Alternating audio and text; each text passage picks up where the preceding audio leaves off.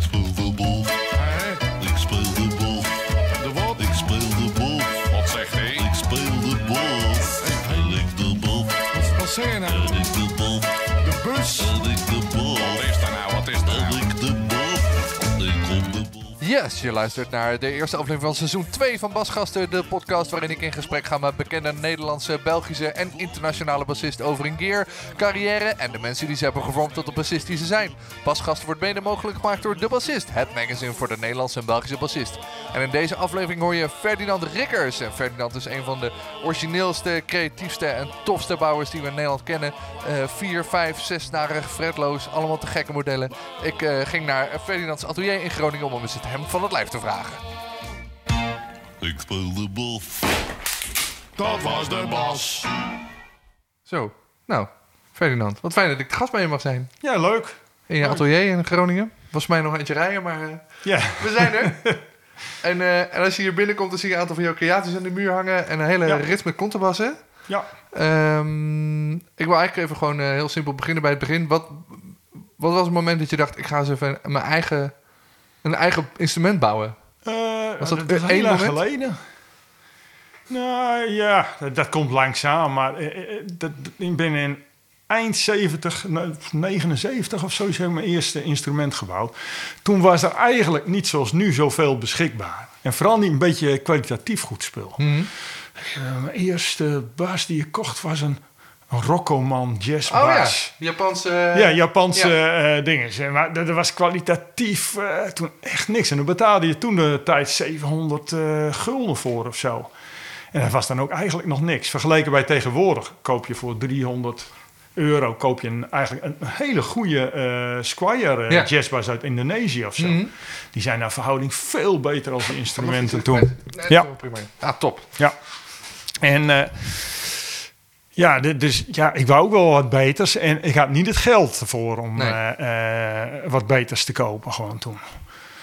En eh, ben ik zelf aan de slag gegaan met bouwen. Ik Ja. was altijd al met mijn handen bezig, aan het knutselen en zo.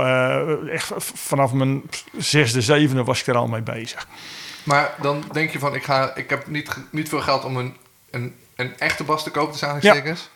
Waar begin je dan? Denk je, ik koop een plank en dan... Hoe wist je wat je, wat je moest doen? Ben je gewoon maar gaan aanklooien en... eh, Nee, nee. eh, eh, was best heel problematisch om de informatie te vinden over hoe en wat. Ja. En nou deed ik daarvoor al, eh, voordat ik de eerste bouwde, was ik al bezig met reparaties. Ook voor mezelf en voor anderen ook allemaal doen. Dus ik had al aardig wat instrumenten uit elkaar gehaald. Ja. En bekeken hoe zit het in elkaar en alles. Maar over hoe je dingen produceert. eh, hoe je eh, de plaatsing van de fretjes en alles precies Ja. doet. Tegenwoordig google je gewoon even kijken op YouTube. ja, precies. Eh, aan de jaren 70 was er nog geen internet. Nee. Eh, in bladen was er eigenlijk ook nog bijna niks beschikbaar van informatie. Boeken waren er niet. En pff, ik heb, het- weet ik toen wel, een boek uit de bibliotheek gehaald... van een van de Amerikanen een boek erover had geschreven. Ja. Daar heb ik nog wat een en ander uit weten te halen. Maar achteraf kwam ik erachter dat er echt ontzettend veel fouten in stonden ook. Hoeveel mensen zouden een slecht instrument gebouwd hebben door dat boek? ja, ja de, de, de formules van fretjes plaatsen in die boeken klopten niet eens. niet. Nee, klopt er gewoon niet. En kwam je daar dan door schade en schande achter? dat je Ja, heel makkelijk. Als je, als je die formules deed en bij uh, geen twaalfde fret hoort op de, eh, de helft van de mensuurlengte zitten. Nou, bij Ja. die, daar zijn al eh, een paar millimeter afwijking in. Oh, Nee, dat kan niet. Nee. Een gegeven moment ben ik daar wel achter gekomen eh, via, via, ik weet niet eens meer hoe, hoe dat wel precies zat en zo. eh. Maar ja, dan ga je gewoon vooral ook zelf goed nadenken. eh. en dat is wel iets, ik heb het dus op een hele andere manier geleerd als dat tegenwoordig mensen die nou in de gitaarbouw terechtkomen. Want die hebben gewoon gekeken naar YouTube filmpjes Ja. van anderen. En je kijkt, oh, zo en zo doe je dat. En alle bouwers uit mijn tijd, die in die tijd ook begonnen zijn, zijn al een paar meer, eh, die ook nog steeds bestaan. Mhm. En die hebben het toch allemaal echt geleerd door zelf nadenken en eh, door fouten maken en in de volgende instrument die fouten niet meer te maken. En wat is dan, als je, het is misschien een beetje flauw te zeggen, maar wat is dan als je vergelijkt wat jij doet met bijvoorbeeld een, een hele jonge bouwer die tussen zijn vergelijkbaar doen met wat jij maakt. Wat, voel je dan verschil? Of denk je, oh, maar wat die mensen nu doen, omdat ze allemaal dezelfde filmpjes kijken of naar dezelfde opleiding gaan aan, Ja, wordt het een soort eenheidsworst? Een, een beetje wel, maar dat ligt er ook aan hoe creatief iemand zelf is. Ja, Het is wel zo dat. eh, ik heb meer geleerd om misschien buiten de eh, gebaande paden eh, zeg maar, te denken. Want dat, dat moest toen, toen wel. Ja. Die gebaande paden waren er niet. Dus was je vrijer in het denken van hoe kan ik dingen doen. En ja, ook eh, methodes vinden hoe je eh, onderdelen van gitaren, hoe je het maakt en alles. Dat, dat, dat- toch meer, daardoor ben je wel wat creatiever geworden, denk Ja. ik. Als heel veel mensen nu die alles gewoon aangereikt krijgen.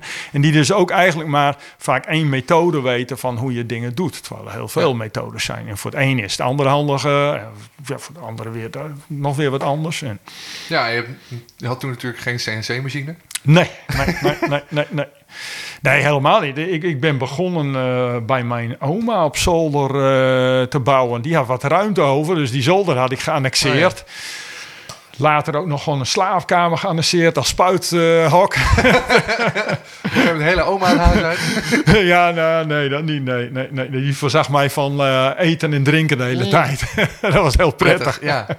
Maar ik, ik ben gewoon begonnen met, met handgereedschappen. En het ehm, elektrische wat ik had was een heel klein lintzaagje. Dat was het. En dan heb ik het gewoon met de hand leren doen. Ja. Dat is ook wel iets. Ik heb gewoon geleerd om eh, met alle handgereedschappen, met beitels goed te werken. En, Ja. met handzagen, figuurzagen. En dat zie je bij heel veel mensen tegenwoordig.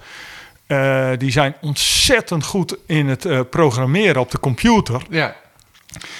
En eh, maar als je ze een beitel of een eh figuurzaag Staat of iets anders in handen... wat- wat is eh, ja. Dat, dat gaat niet. Dat, eh, ja, dat, dat is heel moeilijk dan. Ja. Dat hebben ze niet geleerd. Dat, ja, dat heb je niet meer nodig eigenlijk bijna. Nee, vind je dat een positieve ontwikkeling? Of denk je nou... Ja, dat weet ik niet. Dat, zijn, gewoon? dat is hetzelfde van internet is er nou ook. En dat gebruik je. Ja, Dus je gebruikt wat, je, wat voor handen is. En wij ondertussen ook. Ik heb nou ook sinds, we hebben hier ja, sinds drie jaar hebben we ook CNC-vrees eh, Ja. staan. Dat was voor mij weer een hele omslag. Voor mij een nieuw vak leren. ja, Leren programmeren en zo. Dat is echt een, eh, echt een vak. ja. Normaal gaan mensen naar de HTS om dat allemaal te leren en zo. Ja, Eh, het CAD-CAM werk en zo. En eh, nou, dat, dat, eh, mijn, mijn collega Jacco, eh, die komt uit de IT. Dus die is daar echt heel erg handig in. Dus je zei tegen je, oh wacht, doe ik wel even. Nou ja, nee, dat, dat, dat, zo, zo willen we het ook weer niet helemaal doen. Van, eh eh, stel je voor, hij is ziek, overkomt en wat. En dan, dan precies. zou je ik wil het ook leren. Ja, Net zoals hij komt uit de IT. En hij is sinds eh, 2000 is hij mijn compagnon. Daarvoor heeft hij tien jaar voor mij gewerkt. En ik heb, heb hem juist geleerd alles met eh, eh, de handgereedschappen en Ja. zo ook doen. En met eh, de, gewoon de normale machines en alles werken. ja, En hij leert mij andersom nou weer met de CNC alles te doen en te programmeren en Ja. zo. Heel even over dat handwerk. Als ik naar rechts kijk, ga ik even een paar stappen vooruit. Er, er hangen een aantal bassen met gewoon, die gewoon, zeg maar, redelijk tussen aanstekens traditioneel. Ja. Een plank met snaren en elektronica. Maar daar hangen er drie die lijken alsof het een soort geraamd is waar Ja. nog wat op moet. Ja, Eh, kun je daar iets over vertellen? Want het, het, het, het heeft iets heel organisch en iets heel moderns tegelijk. ja, ja. Nou ja, dat zijn, zijn eh, onze treeline eh bassen. En die, ja, die zijn eigenlijk... Ik wou iets speciaals maken voor, eh, voor de Holy Grail Guitar Show. Ja, Dat was één ding. Anderzijds is de laatste tijd de vraag naar eh, bassen die gewoon echt heel licht zijn. ja, Die wordt steeds groter. Want eh, ja, vroeger waren eh basgitaristen waren allemaal jochies van eh 20 tot 30 jaar. ja, ja. Maar dat is doorgegroeid. Dus onze cliëntelen tegenwoordig, er zijn heel veel mensen van 50, 60 en zelfs tot 70. ja.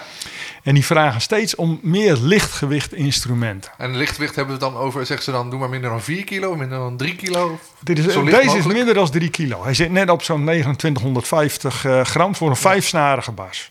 Dat is Dat is echt bizar superlicht. Ja, En de hele ontwikkeling is ook anders geworden in bassen. Dat, eh, eh, toen ik begon, toen was het idee een basgitaar. Die moet gewoon echt heel zwaar zijn, Ja. dan klinkt die goed. Ja, precies. En dan heb ik de, de eerste tien jaar, zijn al die bassen die ik heb gebouwd, die waren ook allemaal behoorlijk zwaar. Dat Ja. je heel veel shectors en weet ik veel van Ja, precies. houtsoorten die zinken als je het in het water gooit. Ja, en, en loodzwaar. willekeurige bas uit eind jaren 70, een Gibson of een Fender of weet ik veel. En dit is allemaal 140 kilo. Ja, ja. En dat is, nou, ik ben ik niet alleen. De meeste bouwers zijn wel langzamerhand tot de conclusie gekomen dat een goede basgitaar, ook die gewoon echt strak klinkt en als, die hoeft niet zwaar te zijn. Nee. En ook eh, eh, genoeg bas leveren en alles, dat, dat hangt echt niet af van het gewicht van een instrument. Het hangt af van de stijfheid van een instrument. Ja. Dat de hele constructie, eh, de hals vooral heel erg stijf is. En ja, tot aan de brug dat alles gewoon heel stijf is. Ja. Dus En- je merkt bijvoorbeeld niet aan als je dit zou vergelijken met een, laat ik zeggen, een vergelijkbaar model, maar dan van massief Ja, ja, mahonie. eh, ik, ik- kijk, het is hetzelfde model heb ik eh, ook links gewoon is hij massief. ja, ja, Eh, daar zit geen. eh, ja, de, de, de klankontwikkeling is ietsje anders.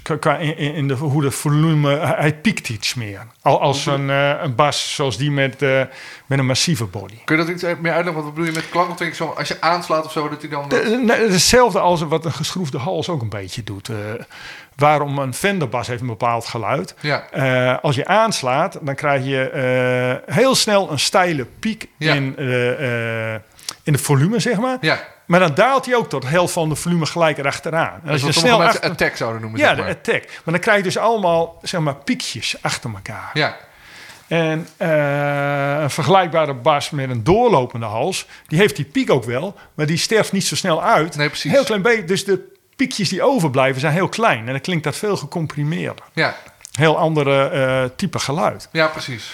En vergeleken bij die massieve heeft die eh opengewerkte bas, die tree line, die heeft ook een wat, wat percussiever geluid. Ja. Ehm, wat eh, is voor jouw gevoel, wat, welke, waar heeft hout het meeste invloed? Heb je, er zijn mensen die zeggen, oh ja, maar ik moet alleen maar een palisander toets hebben, want dat is het enige wat ik mooi vind klinken. Of Nou, merk je die verschillen heel erg? Ja, zeker. zeker. Je, je hoorde, vooral? Nou, ja, het is een combinatie. Het, zijn zoveel factoren die Ja. Maar of je een maple-toets neemt, of je neemt een, eh een eh, palisander-toets of een ebbenhouten toets, dat geeft echt een andere klank. Want Ja. ik heb zoveel bassen gebouwd. En de ene keer gaat hij met een ebbentoets en dan gaat hij met een palisander-toets. Maar dat is volledig afhankelijk van het ideaalbeeld van de klant, wat hij wil horen. Ja, En eh, eh, het een is niet beter of slechter dan het anders. Net zoals een, een geschroefde. Ik maak ook gewoon bassen met geschroefde halzen. Ja. Die hebben gewoon een andere klankontwikkeling. En dat is niet beter of slechter als een doorlopende of een gelijmde hals. Het is Nee. alleen maar. eh, ja, het is anders. Wat de ene geweldig vindt, vindt de ander juist weer helemaal niks. Ja. En daarom moet je heel erg. Ja, je En kun jij als iemand naar je toe komt en zegt... ja, ik wil eigenlijk een, eh, een, eh, een bas van je hebben, zo'n single cut... eh, maar hij moet een beetje dit en een beetje dat... en een aantal soort van vaag klankbeeld in zijn hoofd. Dus denk jij dan... oh, maar dan moet ik een, eh een walnoten body hebben... en een Ja. en een maple hals met Ja. zoveel lijntjes. Ja, maar als iemand een vaag beeld heeft over wat hij wil, dan stuur ik hem eerst weg. nee, maar je moet een duidelijker beeld hebben Ja. van wat je wil. Ja, En voordat wij beginnen met bouwen en a- opdracht aannemen, dan heb ik meestal al wel eh, heel wat uren met iemand eh, gepraat en uitgevist van eh, wat wil je. ja, Want je gaat iets voor iemand bouwen. En dat is wel de bedoeling dat dat ook echt uiteindelijk is wat hij wil. ja. En daarom eh, klets ik liever nog eh, uren langer met iemand door... tot ik dat echt goed eruit gevist heb. Als dat je eh, eh, een kwartiertje met een oh ja, ik weet het wel hoor, oh, zo Ja, en ja. zo. Oh ja, dan is het klaar. Ja, nee, dat is toch niet helemaal wat ik En eh, heb je daar uren in zitten en dan... oh ja, nee, dit is eigenlijk niet wat ik Nee, nee, hoofd daarom. Dat, dat, maar dat, dat afkloppen, dat, dat is ons nog nooit gebeurd. Dat, dat zo het. Ja, een van de belangrijkste dingen is dat je eerst lang met iemand praat en Ja. luistert naar wat vindt hij mooi en al die dingen. En wat voor type bassen vind je goed klinken enzovoorts. Ja, maar ik denk ook wel dat, eh, zeker als je zo lang bezig bent als jij, dat mensen ook al naar je toe komen en die denken: ik wil een bas van Ferdinand, want die klinken vaak. ongeveer- Nou ja. die, daar zit ongeveer dit. Als ik aan een bas van jou denk, zeker aan, Ja. die, eh, aan die die op de foto staan achter ik ben de namen van die. Eh, eh, Oh ja, die, die, eh, dat zijn de bodylines. de bodylines, ja. zeg maar het, ja. het, het, klassieke dat zijn die met doorlopende halzen. Precies, maar dan Ja. als ik daar, als ik aan, aan, aan denk, denk ik aan die dingen. Ja. En die hebben in mijn hoofd Ja. een bepaalde klankkleur. Ja. Dus ik denk dat Die, die dat was ook uit die tijd, want er werd heel veel WG gebruikt. Ja, En dat geeft ook heel duidelijk, in combinatie met een doorlopende hals. Ja, dan krijg je een beetje, nou, wat Warwick ook gewoon heel veel lang eh, al doet, eh, een bepaald klankbeeld is dat. ja, je zei toen. Maar dat vond ik toen de tijd- veel gebruikt. Ja. Doe je nu Ja, niet meer? Of Minder. wordt het minder gevraagd gewoon? Ja, het is ook wel een heel dwingend geluid. Het, het is heel erg, eh, als je een hele hals van WG maakt, dan is hij heel erg recht voor de raap. Ja. Echt voor rock is dat uitstekend. Mhm. Maar als jij eh, fusion of weet ik veel wat speelt, nou, dan is dat echt het verkeerde. Dat wil je Ja. niet hebben. Ik vind het wel heel gaaf. Dat, ik denk dat als niet-bassisten dit horen, ja, ja, het heeft een heel dwingend geluid, heel recht voor zijn raad. Mensen denken, waar gaat Ja, het dat is de bassistentaal. Kan je, je kan het ook niet, ik kan ook niet uitleggen. Ik kan ook niet uitleggen, oh ja, dwingend geluid, dat klinkt dan zo. Ja, ja, Maar ehm, ik snap helemaal wat je bedoelt, ja. ja. ja. Merk, je, me- merk je verschil zeg maar, ten opzichte van, we zeggen, 20 jaar geleden, dat mensen echt andere, naar Ja. andere dingen op zoek zijn? Het is veel breder geworden allemaal. Het was, eh, er zijn zoveel muziekstijlen eh, bijgekomen vergeleken bij eind jaren zeventig. Ja, En, en, en, eh, de tachtige jaren en zo. Ehm, ja, de, de, dus de, de soorten instrumenten zijn ook veel gedifferentieerder geworden eigenlijk. En wat ik bouw, in die tijd bouwde ik allemaal van die eh, bassen met doorlopende halzen. Dat was toen, ja, Alembic was het merk. En iedereen Ja. dacht van, een doorlopende hals, dat is het dat beste. is het, ja. Dat is het. Nou, dat is lulkoek, want het is een bepaald, de een van de geluiden. Maar laten we wel zijn, eh, bijna alles van eh, voor de negentiger jaren eh, op plaat is ingespeeld op een precision bass. Ja. en eh, ja, dat is ook een heel goed geluid. En de, de eerste tien jaar daar was, dacht ik ook van, oh ja, een doorlopende hals, dat is gewoon het beste. Hebben we Ja. allemaal lang losgelaten. Dat, dat is geen beste. Dat is een, een optimaal instrument voor een bepaalde klant, Ja. voor, voor, voor een persoon. En gelukkig is het bij iedere persoon anders. Want ik, ik, ik- maak geen productiebas en ik maak per stuk instrument. Dus ik maak het op maat voor iemand. En dat vind ik nou juist ook de lol ervan. Dat, dat, dat, dat houdt het voor mij ook heel erg leuk om te doen. Is En- een doorlopende hals moeilijker om te maken dan een geschroefde? Maar het productieproces is, het is duurder.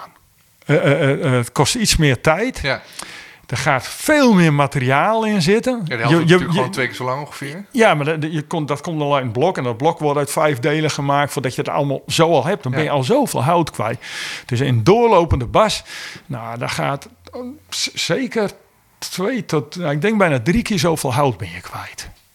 Dus vandaar dat eigenlijk een doorlopende halsbas is ook duurder. Ja. Ja. En eh, de tussenvorm, eh, de inlijmen? Dat doe ik eigenlijk op het moment het meeste. Bij al, al die modellen, ook mijn single cuts, zijn eigenlijk eh, allemaal met gelijmde hals. Zodat je wel echt helemaal die vloeiende overgang aan de achterkant kan maken. Dat je helemaal geen blok, niks meer hebt. En het is een beetje een mix tussen, eh, tussen de doorlopende hals en geschroefde hals Ja. in, zeg maar. Maar als er hier iemand komt en die is helemaal gek van eigenlijk eh, meer, het vendergeluid. Ja, dan zeker een geschroefde hals op. Dan Ja, maak je een geschroefde hals. En dan moet je dat doen, want dit is voor de klankontwikkeling. Als je dat type geluid wil hebben, moet je een geschroefde hals nemen. Wat ik wel grappig vind nu we het hierover hebben. eh, eh, als ik hier naar rechts kijk, dan zie ik de 30th anniversary hangen. Ja, dat is alweer een tijd geleden. Ja, dat is al een tijdje geleden. Maar eh, als ik goed kijk, of ik, misschien kijk ik scheef, maar die heeft hij, dit is een doorlopende hals, denk ik, of niet? Nee, dat is een, dat is een gelijmde hals. Ja, precies. Dus je zou denken, een beetje naar aanleiding wat je net zei, ja, gelijmde hals is, is duurder, kost meer tijd, kost meer Nee, materiaal. doorlopende hals. Sorry, doorlopende hals kost meer tijd, meer materiaal. Dat is dan tussen aanstekens luxer. Dus als je dan een, een anniversary was bouwt, ga je alle luxe opties kiezen. Althans, dat, Nee, dat is nee, toch nee, wat heel nee. veel merken doen. Van, oh, we maken dan een super luxe, uniek instrument. Ja, maar het is niet beter of Nee, zo. precies. Nee, dat is niet beter. Dus waar, waarom... Ja, dus eh, alleen maar duurder maken. eh, eh, Ja. ja. dat is vrij Gewoon- zinloos. Want je zo het goed... Ja, Ja. Die, die anniversary bas is een bas die echt gemaakt... Die, waar ik zo allround mogelijk hebben. Oké. Dan- Daar zitten, zitten eh eh piezo's in de brug en... eh, de elementen zijn switchbaar met alle eh standaardjes. Er zijn alle toeters en bellen op. Ja, eh. Gewoon, dit kan ik, dit kan dat kan niet, maar dat Ja. kan erop. En dat zit er ook allemaal op. En dat is dus veel te veel. Er zit alleen één ding niet op. Nou, twee. Knoppen en snaren. Ja, staat niet. Ik ben het. Ik, toonregeling moet even vervangen. Ah. die, die, die ben ik niet tevreden over, dus die vervang ik weer. En ja, die, die is op een gegeven moment weer. die, die is, was ook verkocht, maar die is weer ingeruild tegen Ah, ja. een fretloze. toch iemand een fretloos toe wou. Nou ja, oké dan. Onze eigen bassen ruilen we altijd weer in. En, Ja. eh, dat gebeurt af en toe wel. Kun je bassen kopiëren? Dat als iemand zegt, ik heb die en die basspeelt, die vind ik zo goed, die wil ik ook. Ja, maar dat wordt wel mijn model. Ja, nee, ik bedoel, Ja. als iemand het zegt van, Ja. ik, heb een, ik heb een bodyline van iemand gevoeld en dat was Fred, hè, en dat was die. Misschien dat je hem nog in je systeem staan. Kan je, Ja, ja dat, kan, dat kan ik eh, kopiëren tot op zekere hoogte. Want eh, eh, een stuk hout is nooit... Ik kan ook weer hetzelfde houtsoorten gebruiken, Mhm. maar geen één stuk hout is exact hetzelfde. Nee. Dan, dan is het wel, kan je het wel 95% of 98% ongeveer hetzelfde krijgen, maar, Ja. maar nooit 100%. Nee, precies. Lijkt me ook heel Nee, lastig nee. om te meten. Ja, dat, dat, dat valt niet te mee. En, en, en dan komt het, andere erbij. Eh, wie erop speelt. Ja. Dat, dat vind ik nog steeds eh, factor nummer één Ja, voor klank. Je, een, goede, een goede bassist die pakt een bas op en dan herken je vaak meer de bassist eigenlijk als het instrument. ja, En dat heb ik op beurzen zo vaak meegemaakt. En dan, eh, nou, dan heb je tien mensen die pakken eenzelfde instrument op. Bij de ene dan denk je, oh god, ligt die bas alsjeblieft weg, want dan komt weg. Ja. krijgt geen, geen toon uit, er is Nee. geen reclame voor. En dan komt een volgende binnen, die, die slaat even rustig een. noot. En bij de eerste oh, nou, je haalt gelijk de klank eruit. En eh, eh, ja, dat is zo wisselend. Zo wisselend. ja. En dat is en de, waarschijnlijk ook als diegene waarvan je denkt, "Huh, zet dat ding terug. Als hij een andere vastpakt, denkt, oh, maar hier kom je wel op weg. Ja, ja, ja, ja, ja, ja. Nou, iedereen, het, maar- ook, het moet ook bij iemand passen. Maar eh, vooral op beurzen heb je veel mensen die zichzelf aan het showen zijn. Zo snel mogelijk spelen. Oh. Totaal geen... We zijn een paar keer allebei op de. London Base Show geweest. Ja. Ik kan me dat inderdaad heel goed herinneren. Dat je gewoon ja. in het zogenaamde stille kwartiertje... dat je dan eh Dan worden we helemaal gek. nog steeds doorheen hoort sleppen. En, eh Ja, ja. Ja we- dat zouden we ieder, eigenlijk moeten verbieden. maar bijna, de, de, de, eh, goede bassisten, de, de- die beginnen gewoon rustig even luisteren, een nootje aanstaan. Ja. En al, al die anderen die beginnen direct met sleppen. Ja. eh, en dan, eh, oh kijk, kijk hoe snel ik kan Kijk sleppen. ik kan, eh. ja. Ja. Terwijl de mensen die echt serieus zijn en, en goede bassisten, oh, die luisteren gewoon naar een instrument. Die eh, proberen even, hoe speelt hij over de hals en is het gelijkmatig. En dan, eh, nou, dan gaan ze wat deuntjes spelen. Dan hoor je direct om met vol, wow, dat is een goede bassist. Ja. Hoe, eh, want ik hoor wel eens mensen zeggen, ze, ja, ja ik, ik- als ik een bas ga uitproberen, dan wil ik dat die akoestisch goed klinkt. Hoe sta je daar? Want ik, ik heb dan iets van, ja, dat maakt toch geen zak uit, want je speelt, je speelt ding toch altijd versterkt. Dus prik hem in en als hij dan Ja. goed klinkt, wees tevreden. Ja, nou is het wel zo dat je voelt hoe een instrument, vooral als je veel gespeeld, hoe een instrument reageert. Als je gewoon akoestisch eh, Ja. erop speelt, dan voel je al wat die, die, die trillingen, als dat voel je. En als je een versterker pakt, dan pak je ook weer een stukje, als je een klote versterker erachter hebt hangen.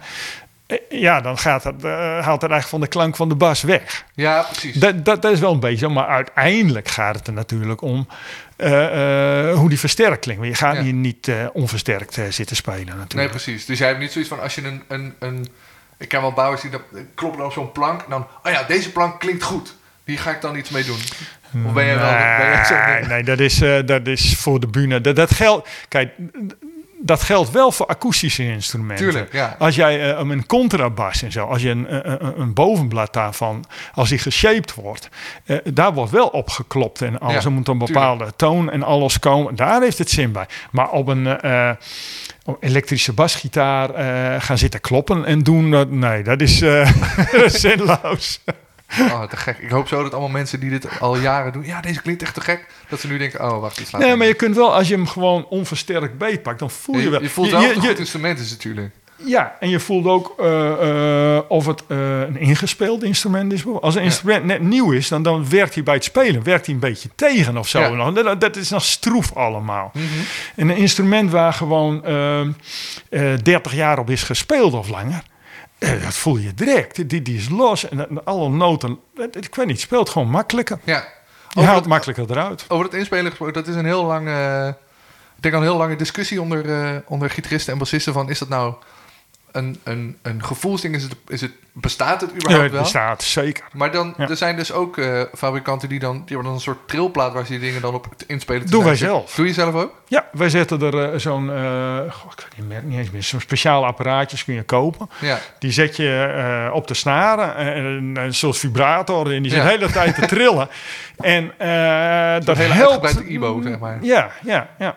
En die snaren zijn er gewoon een paar dagen lang zetten we dat erop als die klaar is. En je merkt dat die dan al een stukje losser is. Wauw. We raden ook altijd mensen aan van, Doe je dat je- standaard bij al je instrumenten? ja, ik doe standaard eigenlijk al. Sinds, een aantal jaren doen we dat gewoon. En het helpt. En bij, bij, eh, er zijn echt speciaal bedrijven voor eh contrabas en violen en cello's in Duitsland. Die eh, krijgen voor elkaar eh, om eh, in een weekje zo'n instrument aan een analyzer te zetten. Welke noten doet niet goed. En dan hebben ze een strijkrobot en dan la- laat ze erop strijken. En dat aan- blijven ze analyseren en die robot erop laten spelen. En dan krijgen ze het voor elkaar om in een week tijd zo'n instrument zo ver te krijgen alsof die al tien jaar bespeeld is. En dan is hij ook echt stukken beter. Ja. En je hebt vaak bij een contrast een wolfnoten en zo die niet goed lekker gaan. Die, Ja. die, die verdwijnen dan. Wauw, bijzonder. En, en met hetzelfde geldt eigenlijk voor basgitaren ook. ja. Als een bas net klaar is, die ik heb gebouwd, dan klinkt die al eh, nou, ja, goed, basic. Dat klinkt goed, maar dan klinken ze altijd vrij steriel. Een Ja. beetje kil, cool nog. Ze klinken gewoon nieuw. Ja, ze klinken gewoon echt nieuw. En dat is los van de snaren die nieuw Ja, ja. zijn. Eh, en als je er vervolgens, eh, een klant komt ermee terug na een jaar spelen, of zelfs eh, merk je al pff, na een paar maanden, dan klinkt hij al wezenlijk anders. Ja. Vooral, vooral eh, het eh, laag, mid eh, en, en alles komt er gewoon beter in als hij ingespeeld is. Het lijkt me ook wel lastig als... eh, ik, heb ook, ik heb twee bassen laten bouwen in mijn leven. En het lijkt me... Ik, ik vond het ook lastig dat, je, dat dat ding vastpakt. En, je- en je denkt, oh ja, hij is nieuw. Ja, Maar geen idee hoe hij zich gaat ontwikkelen. Maar Ja. het lijkt me dat het alleen maar, maar ze worden, beter wordt. Ze worden altijd beter. Ja. En dat is een van de redenen waarom mensen zo gek zijn op al die, die, die oude Fenders Ja. en oude Gibsons. Want laten we wel zijn, daar is vaak dan 50 jaar op gespeeld. Ik denk, er- zijn ook Japanners die hebben van die instrumenten nieuw in kluizen liggen als beleggingen. Ik denk dat als je die oppakt, dat het erg teleurstellend is als je daarop speelt. Ik heb dat ook heel vaak als, we- als, als ik dan zie dat mensen zo'n oud instrument hebben en dat laten zien. En oh, het is helemaal mint en in de koffer en weet ik veel. Ik denk, ja, maar ik vertrouw dat dus niet. Want of er is niet op gespeeld omdat, het gewoon, omdat mensen dat dan als belegging zien. Of er klopt iets niet aan. Nou, dat- Want dan zou je wel- als hij goed zou zijn, zou hij wel spelen. Ja, ja. En dat is ook een beetje iets waar, waarom... Ja, de, meest, kijk, de, de hele slechte oude gitaren, die zijn al verdwenen. Daar is aan Ja. gesleuteld, aan gedaan, in gehakt. Die zijn weg. En de goede zijn meestal overgebleven. Ja, en dat is dan 50, 60 jaar tegenwoordig op gespeeld. Ja, Ja. dat helpt. Dat is hetzelfde met contrabassen ook. Elke beroepsbassist die wil, ja, die wil geen nieuwe contrabas hebben. Nee. Uiteindelijk wil je een mooie oude hebben van 100, 200 jaar oud. Ja, Waar tien generaties mensen hun brood mee hebben verdiend, zijn de geschiedenis aan. Maar die klinken ook gewoon echt. ja, en die hebben gewoon mooi. bewezen dat ze goed zijn. Want Die hebben zo lang dat ze goed zijn. Dat ook, ja. En ze zijn heel volledig losgespeeld. Ja, En dan merk je ook bij een contrabas, maar dat geldt ook voor basgitaar en gitaar ook.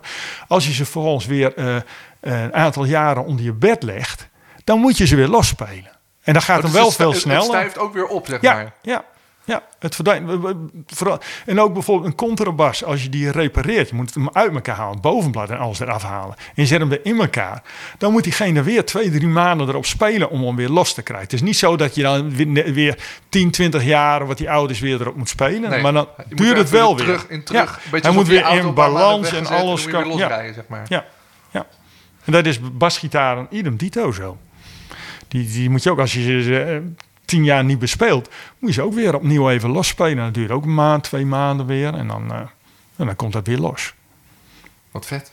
Ja, ja. ja. Eh, ik wilde even, want ik, ik, ik ken jouw werk van de, de, de bodyline en de powerline en Ja. de treeline inderdaad.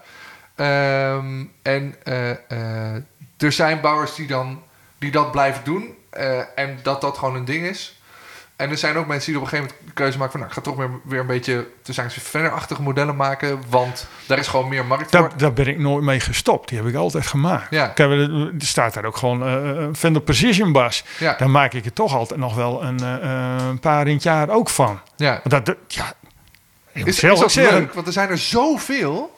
Dat is, maar dat is ook, als ik alleen maar dat zou. want de- de- eh, ik vind mijn beroep leuk, omdat het. eh, ook creatief is. Ja. Ik blijf wel in. Kijk, de, de, eh, nou heb ik ook weer zo'n dubbelcut gemaakt daar. Die Ja. is ook weer anders. Dat is een nieuw, ook helemaal hol van binnen. Gaaf. Zal wel ook, Ook niks wegen, super dus. licht. Ja. Ja. ook super licht weer. Maar de- de- de- ik- moet om de paar jaar weer gewoon nieuwe modellen, wat dingen Ja. veranderen en daarmee bezig blijven. eigen Dat- dat, blijft natuurlijk ook. Ja, die- oh, dat is zeker. Mijn, mijn klankbeeld is ook compleet veranderd van wat ik zelf eh, eh, bijna 40 jaar geleden mooi vond. Ja, En dat, dat verandert bij iedereen ook. ja. Dus je zou dit, zo'n precision niet 40 jaar, dan was je waarschijnlijk nu al gestopt als je dat... eh, Alleen maar dat doen, Ja. ja. ja. Dan had ik, maar dan, eh, eh, dan, dan zou ik gewoon de CNC-frees aan het werk zetten. Precies. En dan laat ik achter elkaar zoveel bodies eh, eh, maken. Ik eh, heb tot nu toe nog nooit eigenlijk twee keer hetzelfde instrument gemaakt. Ook Maar- niet als een precision bas is. Maar dan komt er toch altijd... mensen komen niet voor een standaard precision bas bij mij. Dan willen ze net iets die- anders. Terwijl die daar hangt, die lijkt op een vrij standaard Ja, witte de- de- precision met ja. een beetje relic. En, Die heb ik gekopieerd eigenlijk van... ik heb ooit les gehad, ook al 35 jaar geleden, van Edwin Corsilius. Mhm. Een beroepsbassist. eh, en die had een, eh, een, een 61er eh precision toch bass. een beetje de holy grail voor de... Ja, en die, gemiddelde die, die, die, ja, die had ik in mijn hand. Die vond ik ook zo geweldig, zo mooi. Daar heb ik die ook. Er zat ook. Het is een heel dun halsje die ja, hierop dat zit. zijn hele, Hele, ja, hele zwarte, dunne halsjes. En eh, ja, die vond ik fantastisch. Daar heb ik dat eh, eigenlijk van gekopieerd. Ook. Ja. En, Van zo'n afstandje lijkt het bijna een jazzbashals qua breedte. nou, hij, hij is toch 42 mm, Oh, wow. maar hij is heel eh, dun. Het is een hele slanke hals. Ja, En dat kan ook weer, ik gebruik dan wel, ik maak niet een hals uit één deel, tweedelige halzen van kwartiersgezaagd hout. ja, Waardoor die nog wel eigenlijk heel erg stijf is voor zo'n dunne hals. ja. Even tussendoor, je had het over kwartiersgezaagde halzen. Ik weet dat je boomstammen dossen of kwartiers Ja. kan zagen. Kun je daar iets over vertellen, wat het verschil is? Eh, er zijn niet alle collega's het eh, met elkaar Oké, wat- over wat eens. voor jou het verschil is? Eh, ik- vind dat als je een hals uit kwartiersgezaagd hout maakt, is hij voor mijn gevoel stijver. ja. En is de bas ook wat strakker. En dan En merk je bij die meer precision dat bas je ook. met, met de nerf meezaagt, zodat je minder speling hebt in de... Nou ja, ja, ja eh, ehm, als je op de kop, bovenop de kop kijkt, als de streepjes eh, dwars staan, zeg maar eh, richting de eh toets zo, dat is kwartiersgezaagd, Mhm. staan ze eh, dos, eh, dan staan ze evenwijdig, zeg maar. of een beetje schuin. Of Ja, een beetje niet. schuin. Eh, kijk, alle vendors hebben bij, zijn bijna allemaal dos of heel erg schuin. Ja. Dat is gewoon, de boom wordt verzaagd, planken. Eigenlijk is alleen maar de middelste plank, als je alles gewoon stug in planken verzaagt, is kwartiers. Ja, En de rest niet. En zij verzaagden gewoon planken en alles werd gebruikt. ja, En ik zoek het elke keer zo uit. Ik ga naar een houthandel toe. En daar ligt een hele stapel hout. En ik pak er kwartierse planken tussenuit. En die, Ja, eh, die gebruik ik. En die vind ik wat beter. Maar nou is het ook weer zo. Als er een, eh, een reggae-bassist komt. En eh, die wil meer een reggae geluid. Dan moet je geen kwartiersgezaagde hals je veel te maken. veel sustain en veel te veel Ja, veel, en- veel ja. te veel attack, veel te, dan moet je juist die dossenhals Ja. gebruiken. En eendelig zou ik hem dan ook doen. Ja, Dan, dan is hij eigenlijk flexibeler, maar dan krijg je een andere toon van. Ja. Dus ook weer, ik kan ook niet zeggen beter of slechter, maar Nee, net gewoon een wat keuze. iemand Ja. wil. Ja.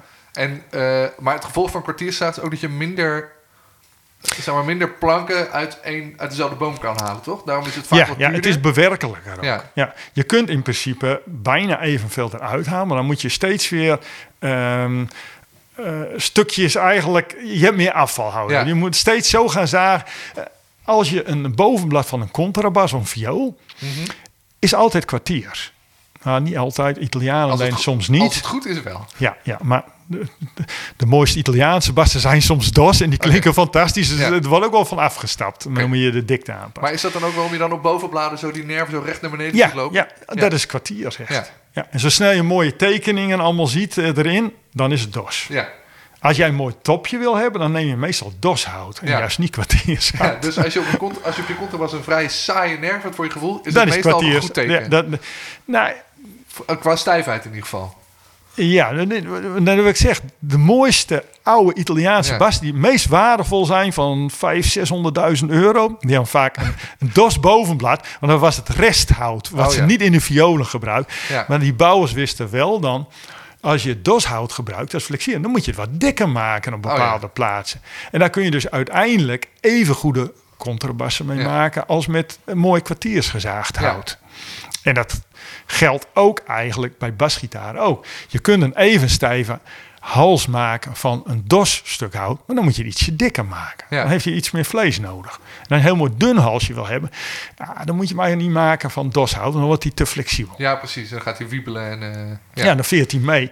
In het geval van als jij een reggae geluid wil hebben, is dat wel prima. Want dan wordt het wat, wat ja, dat is toch een iets vager basgeluid vaak. Minder direct. En ja, vaag is wel een fijne... fijne ja, een beetje vaag geluid. nou ja, dat past bij sommige muziek. Dus Ja. ja. Ja. En ik doe dat op de bas zelf ook, met, met, met hoe je aanslaat, doe Ja. je dat zelf al. Ik, ik- eh, dat is mijn eigen bas, die, die, die tree-line. Met een lichtblauwe toets. Ja, ja, ja, ik dacht, eh, ja, dat valt altijd heel erg op. eh, die gaat Joh. vaak mee naar de beurs. En Ja, ja, ja. er komen vooral allemaal vrouwen op af trouwens. ja, die vinden het altijd prachtig. Oké. Ja, dit, ik heb het ook al. ik heb begin dit jaar nog eentje afgeleverd. Ook zo. Dat was ook voor een Canadese bassiste. Die naar Canada gegaan. En die vond het ook helemaal geweldig. Een Indiaanse Canadese bassist, be- beroepsbassist. Die heeft dus nu een blauwe, Ja. blauwe toets op de ja, treeline. ja, ja, nog wel viersnadig, maar. En je zei, eh, eh, als je een fancy topje wil, wil dan moet je een dosse gezaagd... Meestal wel, ja. ja. Ja, heb jij het gevoel dat, een, dat eh, een, een, discussie in mijn hoofd... en ook onder veel gitaristen en bassisten... die volgens mij nog steeds niet tot een goed einde is gebracht... heb je het gevoel dat een tophout heel veel verschil maakt voor de sound?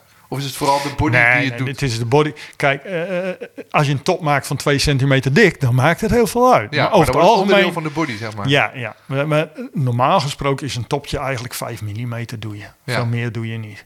En dat maakt voor de klank eigenlijk nou, bijna niks uit. Nee, Nee. het is meer gewoon wat je mooi vindt. Ja, dat is, dat is echt wat je mooi vindt. En ja, Eh, voor, voor de klank, het is alleen maar voor het uiterlijk. Ja. Een topje.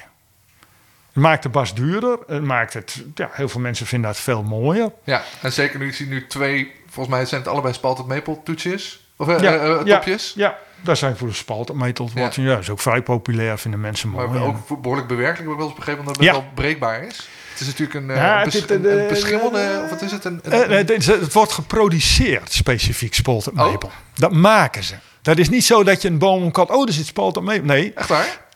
Er wordt een esdoornboom wordt gekapt. Ja. Maple is esdoorn voor de... Ja, ja, ja.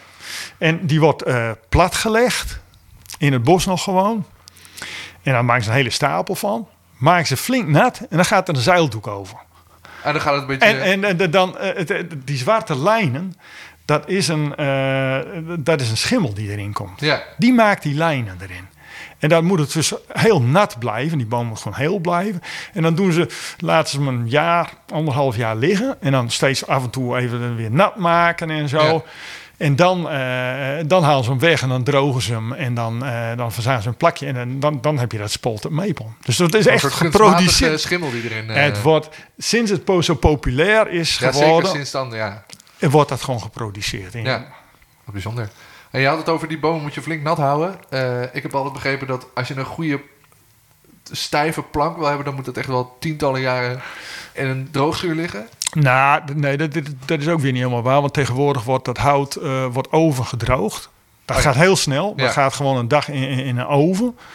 En dan is het eigenlijk eh, al behoorlijk droog. Dan moet je niet direct een instrument ervan bouwen. Nee. Maar dan moet het eigenlijk nog wel, dan het liefst nog wel een jaar, twee jaar gewoon in je eigen houtopslag. Eh, eh, Die is bij ons ook vocht gereguleerd helemaal. Moet niet te droog worden, niet te nat zijn. Moet die daar nog liggen.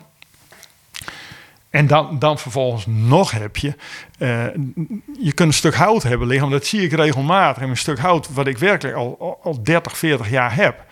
En dan haal ik het door de lintzaag heen. En dan zie je de ene kant eh, de ene kant op gaan, de andere Ja. kant de andere kant op gaan. Zo snel jij een stuk hout uit zijn vorm haalt, Ja, dan zoekt het direct een, eh, een nieuwe vorm, een nieuwe balans aan. Dan Ja, moet je het dus ook echt weer wegleggen. En het weer eventjes, tenminste, ah, liefst een maand, twee maanden weer even laten liggen. zodat weer even kan, zijn nieuwe Je kan vinden. Ja, ja. Anders ga je, eh, ja, dan heb je allemaal spanningen in het hout. En eh, dat, dat is wat er bij heel veel fabrikanten soms wel misgaat. Er wordt gewoon eh, instrumenten in een paar weken tijd van een compleet instrument gebouwd. Ja, En je haalt alles uit zijn vorm weg. En, in zo'n blokje hout zit een balans en die wordt weggehaald. Maar ze bouwen wel gelijk door. Dus Ja, die niet en- uitgewerkt. En ze gaan gewoon door terwijl dat de hout zo'n balans nog... Ja, nog aan het zoeken zoeken is, is. ja. Ja. Eigenlijk zou je elke keer, en daar werd vroeger denk ik wel wat meer gedaan. Dan werd, een hals eh, eerst gemaakt, dan werd hij weer weggelegd. En dan hadden ze heel veel stokken van ook allemaal eh, Ja. in kasten staan. En dan, nou, die van eh, twee maanden geleden, die pakten ze dan weer op. Dan werd die weer verder gewerkt enzovoorts. Maar tegenwoordig deze tijd dat alle eh, fabrikanten bijna eh, in bezit zijn, tussen de grootte van, van investeringsmaatschappijen, Ja, waar investeerders alleen maar rendement uit willen halen, geld uit ja. willen zien, moet het allemaal heel snel en ja, het is alleen maar, eh, het gaat om de winsten Ja. echt en nou ja, dat merk je dan, zien wij veel bij, bij, bij Gibson en zo, ja. omdat wij ook wel reparaties doen. Dat- ja precies. dat- Wat ik net dat- Merk je dat, dat soort Ja. meer nu dan een jaar 15, 20 geleden?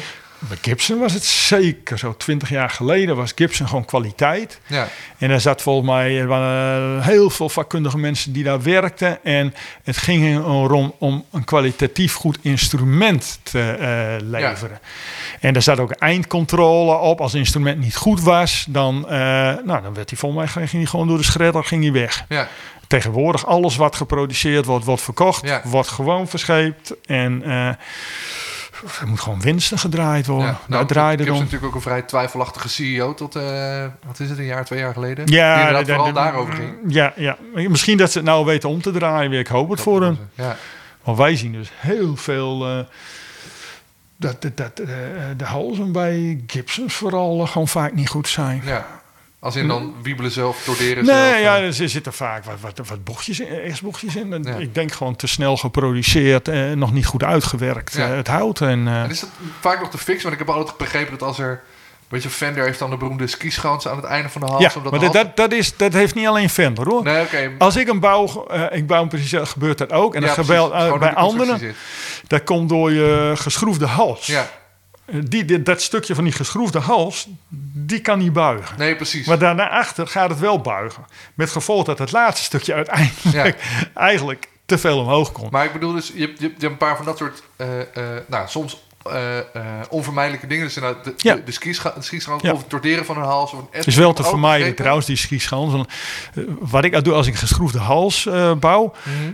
Bij de bouw zorg ik altijd dat het laatste stukje een beetje afloopt. Dan weet ik dat die Oh, over eh, Een aantal jaren... alvast compenseren. Ja, ik compenseer er meestal alvast op.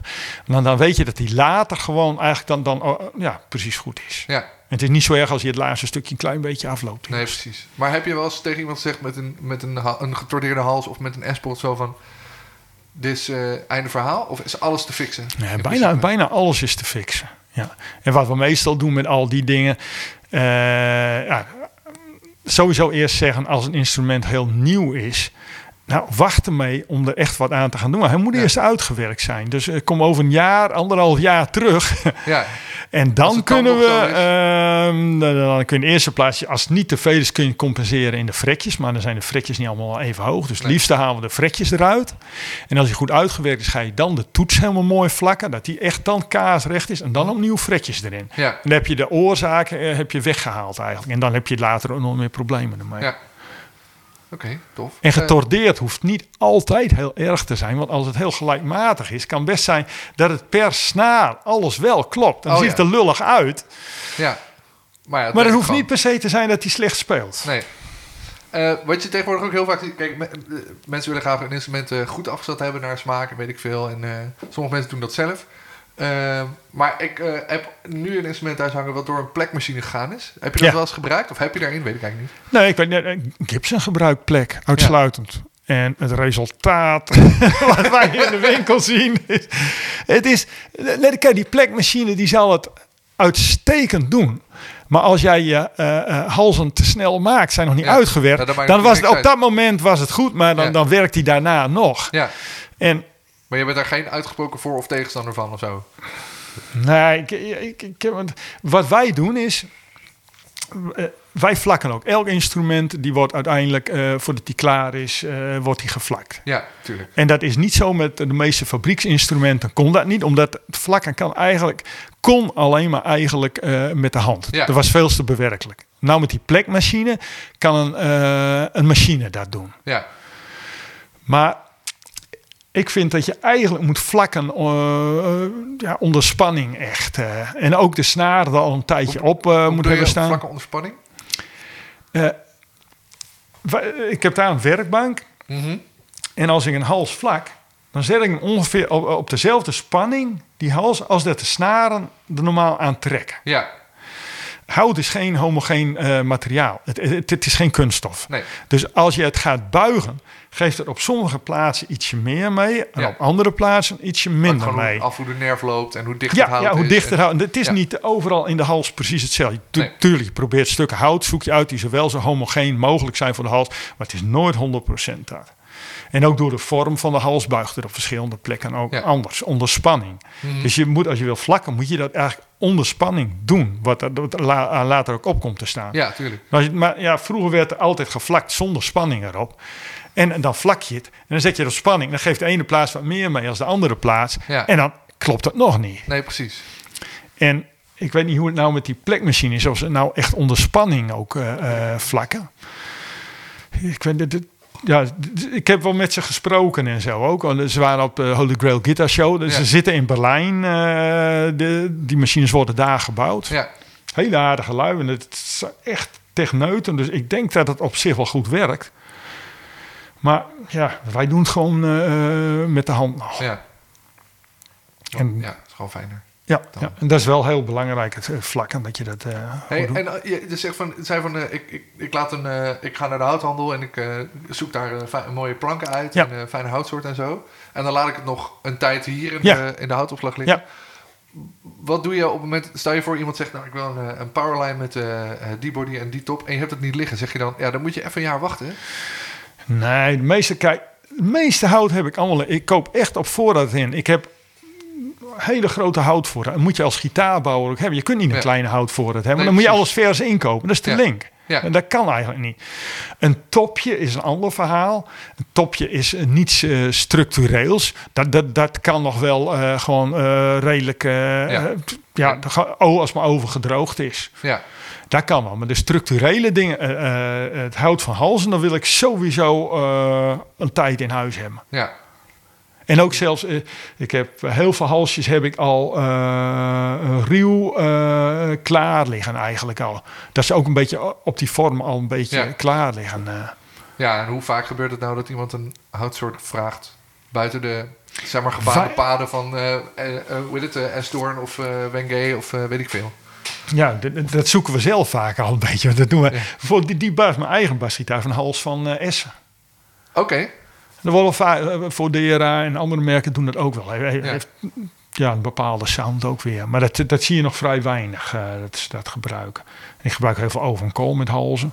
Al heel lang, maar dat wordt ook steeds meer is gedaan. dat de, de, eh, ook de, die beetje dat ebbe-achtige donker of een beetje meer donker palisander met dit met er zit een soort Ja. witte eh, lichte vlek op. ja, die, die, zeggen? die daar, dat is oven Ja. kool, ja.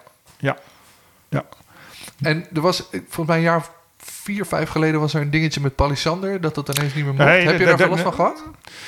Eh, wij gebruiken eigenlijk eh, heel weinig eh palisander toetsen nog. Eh, ze zijn ermee bezig om dat terug te draaien. Maar je moet Ja. dus eigenlijk een certificaat en alles Ja.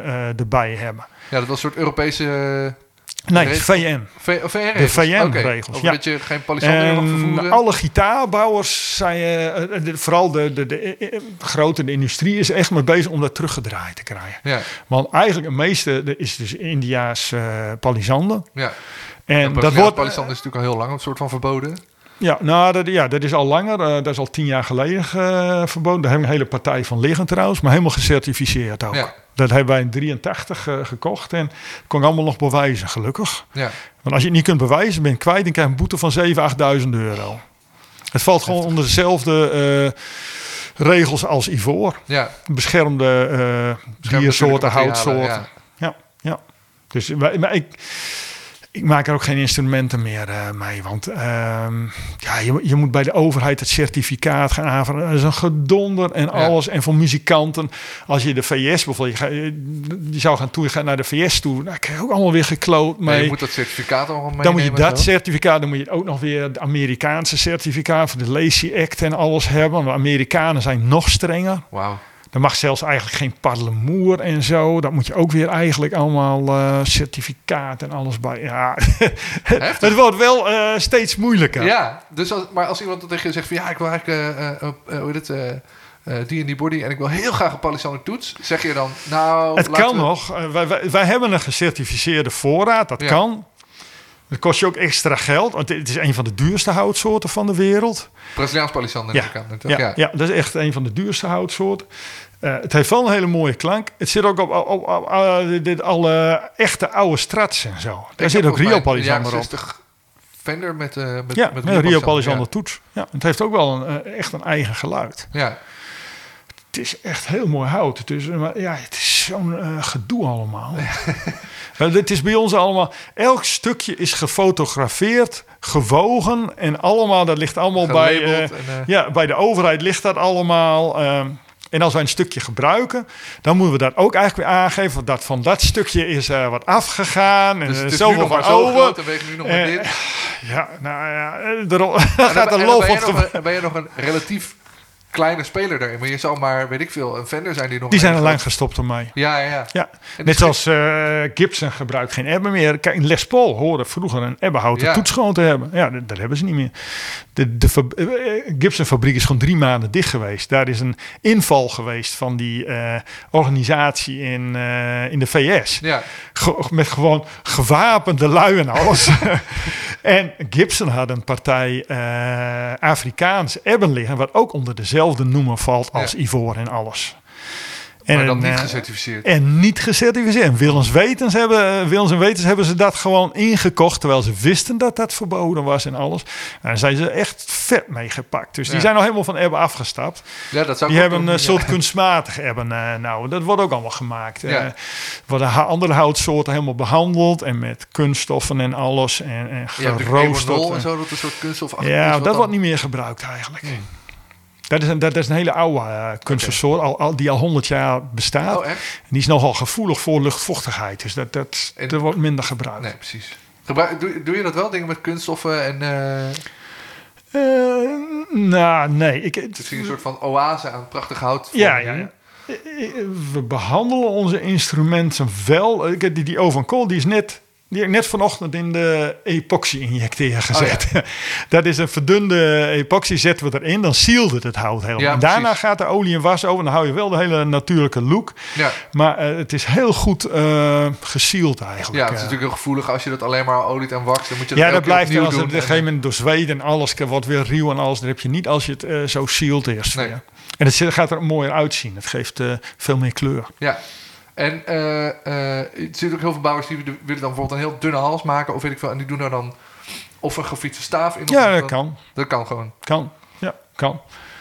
Ik, ik vind eh, het is een kwestie van klank ook. Het geeft een andere klank. Ja? Wat is het verschil voor jou? Voor, Nou, het geeft in het tophoog geeft het wat meer. En ja, als je dat mooi vindt, is dat een optie. Ja. Ik vind het wel, het, in zekere zin maakt de hals wel wat stijver. Maar je moet wel goed oppassen waar, waar die strips stoppen. Want Ja. op het punt waar die strips stoppen, stoppen heb je een zwak punt, zeg maar. Ja, een breekpunt. ja. Als je bij de, net voor, voor de kop, waar, waar het net naar de kop overgaat, daar die, die, die, die strip stopt, dan heb je daar eigenlijk zwakke punten. ja, dus je maakt hem eigenlijk stijver, behalve op twee plekjes. Ja, ja nou, aan de uiteinden. Hè. Nou, bij de body valt er wel mee, maar Ja. bij de kop moet je daar Maar maar hoe je, het nu, hoe je het nu zei, is eigenlijk dat gra- grafiet in ieder geval voor jou meer een klankkeuze is dan een stabiliteitskeuze. Je zei, ja, als je mooi vindt klinken, moet je dat doen. Ja, ja, ja. Maar kijk, als jij mm, hele dunne halsjes wil maken van, van, van maple, wat in een metal en zo. Ja. In een metal wordt heel veel eh, grafiet en halzen gebruikt. Die Ja. willen ook echt van de, dat geluid hebben, wat toch wel ehm, ja, behoorlijk Ja, wat hoger bent. halsjes. Ja, ja, en dan is grafiet wel handig, ja. ja. Het, is, het is absoluut niet slecht of zo. het is ook niet beter als hout. Maar als je hout goed eh, kwartiers gebruikt en zo. En ook ehm, heel veel halzen maak ik wel uit meerdere lagen. Dan was het ook eigenlijk heel erg stijf. Ja, Je kunt met hout ook diezelfde stijfheid wel bereiken. ja hangt ook weer van de houtsoort af natuurlijk. Ja, hangt ook heel erg van de houtsoort af. Ja. Wat is eh, tot slot eh, voor jouw gevoel het meest bijzondere project dat je hebt gebouwd? In de afgelopen, nou, hoe lang zijn die? 40 jaar bijna? Ja. Het zijn toch altijd de laatste eh, Ja. modellen die je maakt. Die zijn het bijzonderste voor je weer. Die zijn Ja. weer fris en alles. En eh, ja, we hebben wel eens een keer eh, voor de...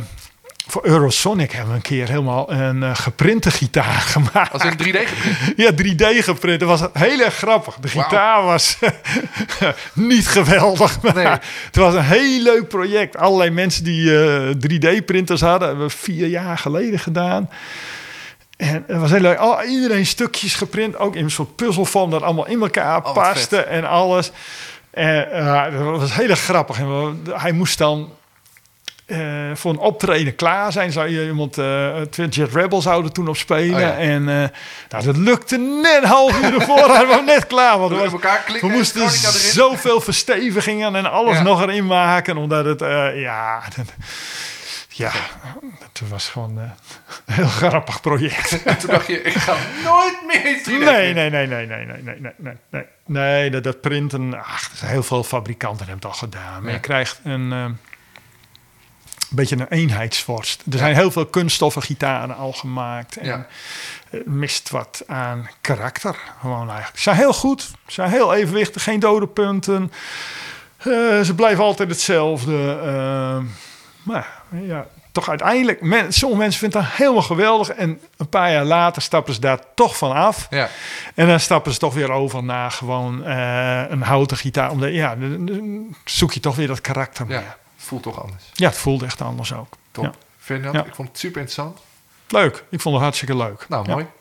Ja. En, eh, fijn, dank je voor de eerste bouwerspecial. Ja, graag gedaan.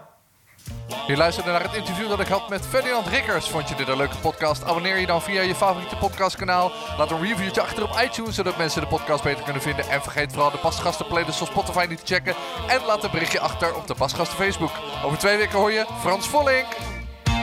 Ik speel de bas. Dat was de bas.